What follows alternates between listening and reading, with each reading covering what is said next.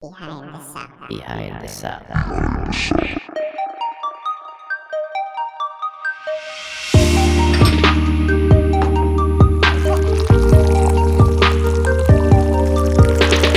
Welcome to Behind the Sound, podcast dari Shoemaker Studios, di mana saya, Moko Aguswan, berbincang-bincang dengan sosok pelaku industri, di mana karya mereka akrab kita dengar, namun mungkin kita belum pernah mendengarkan suara mereka. Di bagian kedua perbincangan saya dengan Dimas Pradipta, saya sangat tertarik berbincang mengenai mastering karena belum banyak topik ini dikupas di podcast Behind the Sound sebelumnya. Artis seperti Glenn Fredly, Kunto Aji, Niki, Raisa, Marian Jola, Rizky Febian, JKT48 pernah ditangani Dimas untuk mastering. Mari kita simak percakapan saya dengan Dimas Pradipta di Behind the Sound. Mastering. Eh, buat para pendengar nih, mastering itu ngapain sih?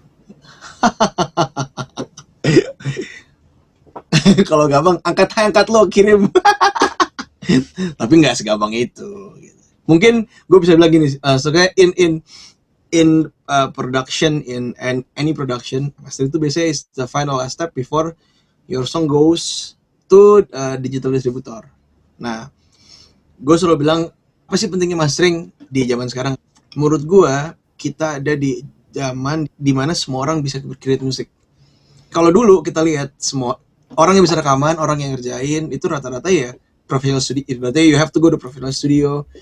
Uh, every, everything makes probably inside the studio. So you get a really apa ya? Ibaratnya mungkin narrow quality gitu. Right now everyone can make their own music using laptops. Sometimes phone sih menurut gue. GarageBand. Gue menerima beberapa pre-pro dari GarageBand yang menurut gue wow bisa begini ya sekarang gitu kan. But maybe secara technical aspek atau whatever mereka belum mengerti kayak karena you know if you go to if you put your song in digital stores they have like loudness potential they have loudness normalization mereka punya expectation yang ada waktu keluar nah menurut gue kita sebagai objective person yang memberikan opini nggak semata-mata kita selalu benar gue berasa pentingnya makin ke sini makin ke sini karena ya uh, apa namanya sebagai that objective guy aja. Kalau dibilang bisa nggak gue kirim mixingan gue yang gue udah percaya bisa banget. But in the perfect world dalam tanda kutip, your job is to ibaratnya if you can if you think this is really good, then that's it. Don't don't do don't do anything crazy. But as a mastering engineer, kalau misalkan the more you listen to stuff that people sending to you, you know exactly kayak what to do menurut gue sih. And then mastering sendiri sebenarnya ya kalau mungkin job desk biasanya mereka ngecek apakah uh, is there anything that we can do? Clicks crackle ada noise popping sebelum that's gue masih tetap lakukan hal itu ya. Jadi sebelum dikirim tuh biasanya dikirim ke asisten gue dulu tolong cekin kalau ada aneh-aneh. Even misalkan uh, mouth click uh, misalkan terus uh, apa namanya klik di bisa tanda di marker semua. Nah sometimes gue double check. Kejadian kayak kemarin nih baru kan gue kemarin mastering uh, uh, Mas Ryan yang ngerjain uh, Glenn gue waktu kirim tiba-tiba tuh ini apa nih? Kelak klik kelak klik ya gue bingung kan. Gue tanya Mas coba deh lo cek menit segini menit segini, segini ya. Ternyata oh gue nggak bisa hilangin itu itu kayak apa itu yeah. basically mouth click yang gabung oh nah buat gue having another another person yang ngerjain itu helps you untuk get something yang mungkin lu miss gitu. Gue banyak melakukan itu, krik, crackle, terus kayak misalkan uh, cek ada yang klip nggak? Inter kadang-kadang mungkin levelnya nggak klip tapi you're clipping somewhere in the chain maybe. Yeah. mungkin purposely on purpose mungkin nggak gitu kan. Kadang-kadang gue double check gitu. Misalkan oke okay, you, you you know exactly what's happening in the mix baru kita bisa master gitu biasanya. Nah yang kita lakuin biasanya ya cek tonal balance uh, uh, apa ya? Mungkin gue bilangnya terlihatnya teknikal ya tapi sebenarnya tetap menurut gue yang keluar itu tetap 90% base mastering itu sendiri dan bagaimana dia mengapproach proses mastering. Ya. Karena gini, ada bisa lu bisa kasih ke lima orang ibaratnya if you send in a, a good mix to five mastering engineer kalau mereka- semua di level itu it end up being your mix of course with a slight different menurutku with a slight different enhancement. Mhm. ada yang seneng enhance ada yang ibaratnya this is already good. Ya menurut gua di situ sih beda-bedanya. Kayak kita ngomong bareng kan kayak ada yang ada yang seneng ada yang dia retain banget the integrity of the mix. Mhm. dan gua kalau gue punya approach dari dari dulu ya maksudnya yang gue pelajarin kayak gue pengen eh, siapa pun yang terima mixingnya balik dia tahu something from wih ini apa ya gitu. Tapi ibaratnya mungkin listener kayak nggak tahu I was I was there gitu loh kayak Hmm. gue pengennya jadi seorang yang he, he did something but as if you were never there Ya. karena menurut gue ya gue nggak bisa ambil kredit untuk kayak ibaratnya wih gue nih bikin bagus enggak Iya. dari depan Betul. dari songwriting dari arrangement jadi kayak kalau misalkan something sounded really good gue cuma bilang lu cek semua deh karena semua itu ngaruh nggak nggak bisa kayak banyak kan maksudnya gue dulu dulu kan kayak masih waktu dulu belum ngerti banget kita masih menganggap kayak mastering is a magic bullet. Lu mastering keluar wah pasti tapi ternyata ya it's not that gitu. It's the whole production process gitu. Yeah. It's- itu mixingnya semua ngaruh. Mastering maybe the last step. Sometimes kadang-kadang gue pernah denger cerita siapa dulu ya. Jadi dia dia datang di mastering didengar di berapa kali. Dia cuma bilang is it okay if I print it flat? Mhm. ya kan but that's happening. Gue juga pernah melakukan itu karena gue rasa kayaknya nggak bisa gue apa-apain lagi dan ini udah cukup sih. Maksudnya kalau misalkan orang yang expect bisa nggak lu tambahin sesuatu? Itu it's a different story tapi kalau misalkan you ask my opinion maybe this is already is this sounding good gitu kan. Hmm. dan gue kan bukan orang yang menurut gue gue bukan orang yang uh, reinventing the way lagi. Ya. kayak misalkan dia want something like warm gitu. Gue nggak bisa bilang ini jelek naikin nih harus berat gini karena mungkin gue cuma bisa bilang oke yakin dengan ini nggak? Oke uh, referensi lo ke mana? Karena referensi menentukan bisa menentukan. Terus kayak lo mau main di genre apa? Ya. lo mau main di hip hop mastering lo ada di minus 16 you will be the slowest. Kayak iya kan? Yeah. kadang-kadang kan gue cuma lebih begitu kayak misalkan oke lo mau sekencang apa? Segini oke. Gue coba push ya. Tapi gue kadang-kadang selalu harus nge-treat out maksudnya harus ngasih orang kayak uh, every mix has a loudness potential. Lo nggak bisa main bilang gue mau sekencang ini gitu loh. Ya. it came with the mix it came with the arrangement. Ya, lo- loudness comes from uh, the arrangement. The Iya, arrangement, the mix, ya. Iya, jadi kadang kayak gue bilang, lu yakin mau lebih kenceng?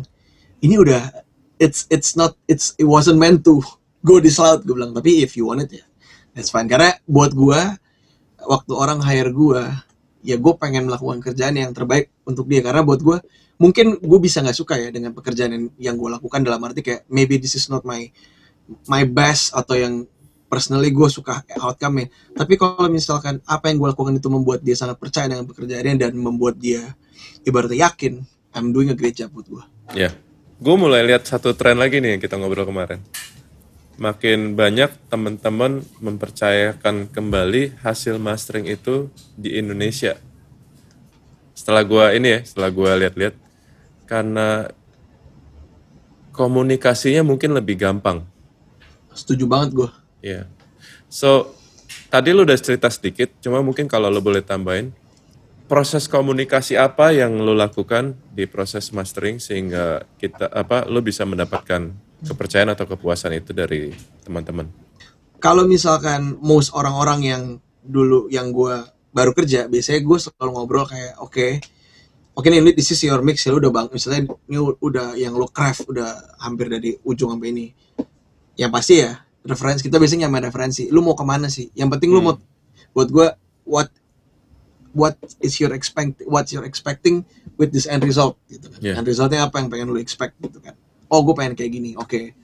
Dari situ biasanya gue biasanya gue akan melihat apakah oke mix mixnya punya kar- punya kayak production wise punya karakter yang sama apa dan in the end kan kita tidak mau menyamakan Mm-mm. tapi mungkin rasa yang diambil kita mau ada di situ. Ya. Nah kadang-kadang gue itu ada yang beberapa yang nanya, eh tolong cek mixnya dulu, oke gue cek misalkan. Kadang-kadang misalkan kayak kayak most of the problem biasanya emang ya biasanya menurut gue low end ya, Hmm. karena kita emang mixing beda-beda. Ada yang low end udah rapi banget, cuma mungkin gue bilang oke lu bisa nggak? Misalkan kicknya pas nih, tapi mungkin bassnya masih agak terlalu moving. Gue bisa gue bisa jagain tapi it will affect the kick. Maybe nggak gue lo nggak pengen kicknya berubah. Karena buat gue misalnya kicknya pas lo bisa atau kadang ada yang kelewatan wah gila nih kepotong. Atau ada yang kadang-kadang misalkan ini udah enak banget nih. Kalau misalkan lo bisa naikin vokalnya sekitar 0, berapa gue bisa Yeah. dapat lebih rapi lagi. Itu kan kalau misalkan kayak gue udah sering mastering gue biasanya udah udah percaya nih apalagi misalkan gue maksudnya gue laki bisa dapet orang-orang yang yang really meticulous with their mix ya. Iya. jadi gue kayak "Oh, udah gitu kan. Gue anggap kalau mereka ngomong sesuatu gue anggap mixnya udah rapi dan emang chances emang menurut gue udah gila nih gue buat gue nih luar rilis tanpa mastering pun udah nothing's wrong gitu Iya. cuman gue maksudnya mereka minta ya gue di hire sebagai that last person yang can you amplify it more gitu kan that last 10 to 5 percent gitu ibaratnya you given A mix I'll try to make it A plus gitu Iya. but don't make it B Iya. gitu kan Iya. Nah, gue biasanya pasti nyanyi referensi dulu. Sama ya biasanya gini, karena apa ya? eh, ini yang kemarin gue sempat Januari gue kan sempat ketemu sama Gavin, Gavin Lawson. Mm-mm. Nah, jadi gue sempat ngobrol, gue sempat ngobrol sama dia sama Ruben dua-duanya. Terus gue belajar kan kayak gue waktu itu nanya gitu kan. Kita for the probably past berapa years kan eh abis digital we go to uh, iTunes. iTunes punya uh, iTunes Master for iTunes and then we go to Spotify kita punya new standard loudness whatever gitu kan. gue sempat nanya gitu kan. So how do you approach uh, your mastering to be uh, competitive forever karena ya apa namanya dulu kita CD we go to the max always gitu karena ya the louder the better kan sekarang oke kita punya punya headroom dan semua normalize gitu kan akhirnya gue uh, dia bilang gitu kan kayak I think most people still approach the the old ways tapi kayak apa namanya kayak kita they still kayak those 14 minus LUFS nggak jadi target mereka selalu. I think you you agree on this one kayak kayak nggak ada yang orang kayak 14 nggak dia bilang ya it's just it's just this uh, store policy. If you put the apa namanya normalization off you'll hear everything. Tapi emang akhirnya gue udah mendapatkan beberapa sweet spotnya kayak most kayak pop yang masih loud dan kompetitif tuh ada di integrated probably around 8, 9, sometimes 7 ada beberapa yang di 10 tapi jarang tapi kayak in that in that area. Nah gue biasanya gue mencoba untuk ada di situ. Karena buat gue most mix bisa dibawa ke situ. Mm. kalau emang dia punya balance yang, bag- yang bagus biasanya gue bisa push there tanpa kedengar tanpa ngerubah tanpa ngerubah mixnya ya. Maksudnya mix tanpa ngerubah. Karena kan ya in the end when you pushing something you have to compensate. Nah lu nyari balance ibaratnya lu kayak iya lu cari balance gitu kan. Nah gue biasanya gue bilang oke lo mau uh, ada Lotus kencang apa? Misalkan ada siapa? Nah kalau misalkan diminta album biasanya gue denger dulu. Oke gue denger. Buat gue misalkan kita bisa cari bisa kita bisa cari balance pointnya ada di sini nih. Lagu ini Hmm. menurut gue balance point. Karena ya if you have like nine bass song one acoustic stuff ya lu, lu harus bilang kan kayak ya oke ini kita bakal taruh ke sini kayak gitu gitu gue biasanya kalau album gue bakal approach dia ke situ. Terus yang paling penting sih buat gue ya kita bisa mastering di kita bisa mastering Indonesia tuh ya komunikasi kita jauh lebih enak. Karena ya nggak kalau kita lempar keluar ya ibaratnya nih file nih masternya gitu loh. Lu mungkin bisa minta berikutnya cuman karena kita tahu karena ibaratnya kita hidup di negara ini kita tahu bunyi musik yang keluar seperti apa kita tahu. Dan maksudnya gue mempo- memposisikan diri gue waktu gue mastering itu gue musisi gue pendengar Iya. gue pecinta musik. Iya. gue dengerin musik setiap hari. Ibaratnya ada apa yang rilis gue denger. Nah gue memposisikan diri sebagai misalkan gue denger lagu ini keluar ada di playlist. Iya. what what was my impression gitu. Kayak misalkan I think it needs to be brighter a little bit. Oh, oke oh maybe kayak oh, you wanna go the other route kayak gue pengen kayak gue pengen jadi yang lebih soft. Kayak misalkan gue terakhir dengerin Petra yang judulnya apa ya? Aduh gue lupa tuh. Nah itu kayak oke. Maksudnya kan buat gue kayak when everyone goes bright like sling whatever gitu kan kayak wah ini beda nih. Tapi buat gue I don't I don't find it something yang bakal jadi kok gini banget? Enggak gitu. Karena ya oh ya it- it's there gitu it's there. Lu punya ibarat tadi lu bilang kan eh, lu pengen eh, dia sesuai dengan standar yang ada. Which is menurut gue itu paling bener karena ya eh, lu educate klien untuk tahu next time karena semakin lu apa ya ibaratnya semakin kita punya uh, relationship yang bagus itu kayak everything keeps adding up gitu loh. Ya. karena kan kita pasti pengen kita udah bikin di sini nih kita bikin lagi kita bisa angkat lagi. Gue Ya. selalu kan gue sebagai master engineer jadi belajar banget sih. Belajarnya tuh kayak gue bisa menyenangkan bisa menerima musik gue ngerti karena gue ibaratnya gue juga nge-produce nge-produce juga jadi gue bisa menerima kerja orang lain tuh gue belajar dari sisi production idenya tuh gue dapet terus Ya. gue seneng sih gue kayak ibaratnya di orang terakhir tuh gue gue selalu bersyukur karena kayak wih gila sebelum rilis gue udah tahu gue bisa oh nih nanti bakal gini nih gitu gue bisa kayak mau punya oh ini bakal naik nih kayaknya asik nih gitu ini beda gitu Iya. Um, I, I think it's a beautiful relationship ketika lo bisa ngobrol tanpa takut menyinggung perasaan, you know, orang yang lo ajak kerja sama sih. kayak boundary apa kayak kayak lu bisa menyenangkan misalkan kayak lu bisa bilang lu yakin lu yakin segini nih? Gitu Iya. kan. Gue kadang kalau misalkan udah kenal banget kan kayak capek lo. Iya nih gitu. Dia bisa maksudnya it's fine gitu kan. Maksudnya kayak Iya. kadang kayak lu coba benerin di sini deh gitu. Kadang-kadang gue beberapa orang pun kayak yang udah gue kenal banget misalkan kayak eh, eh, siapa namanya Ipong Ivan Ipong Gojaya Mbak Rima Suara yang Hmm. gue lumayan sering kerjaan mereka juga kan. Kadang-kadang mereka kayak gitu.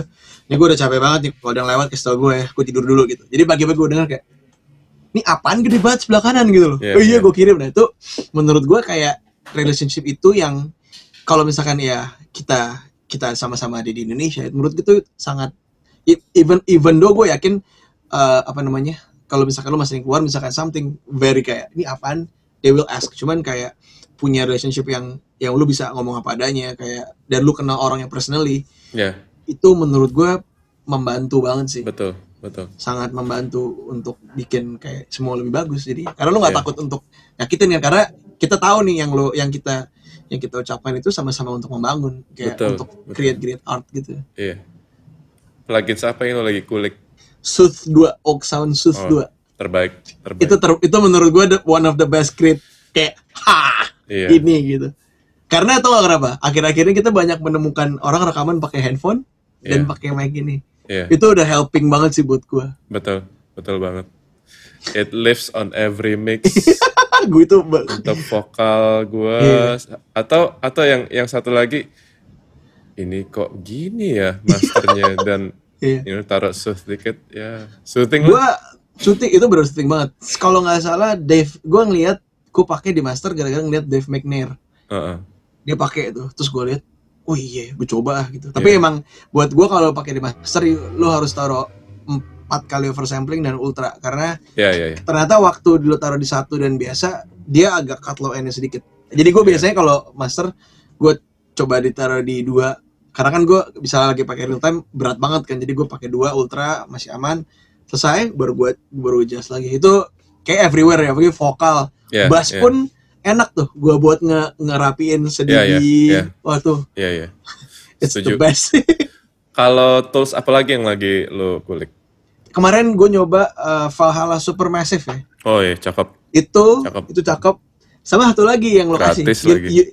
itu Unisum. Oh Unisum itu tidak buat pernah lolos buat gue itu menurut gua kayak menurut nggak tahu ya menurut gua gua EQ is really good. Digital EQ is really good. Tapi sedikit kompresor yang gua cukup oh iya gitu. Ya they get the color and everything ya. Tapi kayak waktu gua coba bandingin sama misalnya gua punya hardware gitu oh iya gua masih mungkin kuping gua terbiasa dan karakternya gua apa tapi begitu gua coba Unisum Wih gila 0,5 dB aja gue bisa rasain nih. Ya Tapi gue masih belum bisa mainin itu itu satu knobs tuh detektor gue gue belum belum coba. gue gue nggak pernah buka yang bawahnya udah. Buat gue itu kompleks. I wish I could uh, listen solo listen deltanya seperti apa. Ngerti ngerti. Eh, sampai sekarang gue karena karena gue tuh eh, suka buka materi baru. Kadang-kadang gue nggak bisa denger materi lama.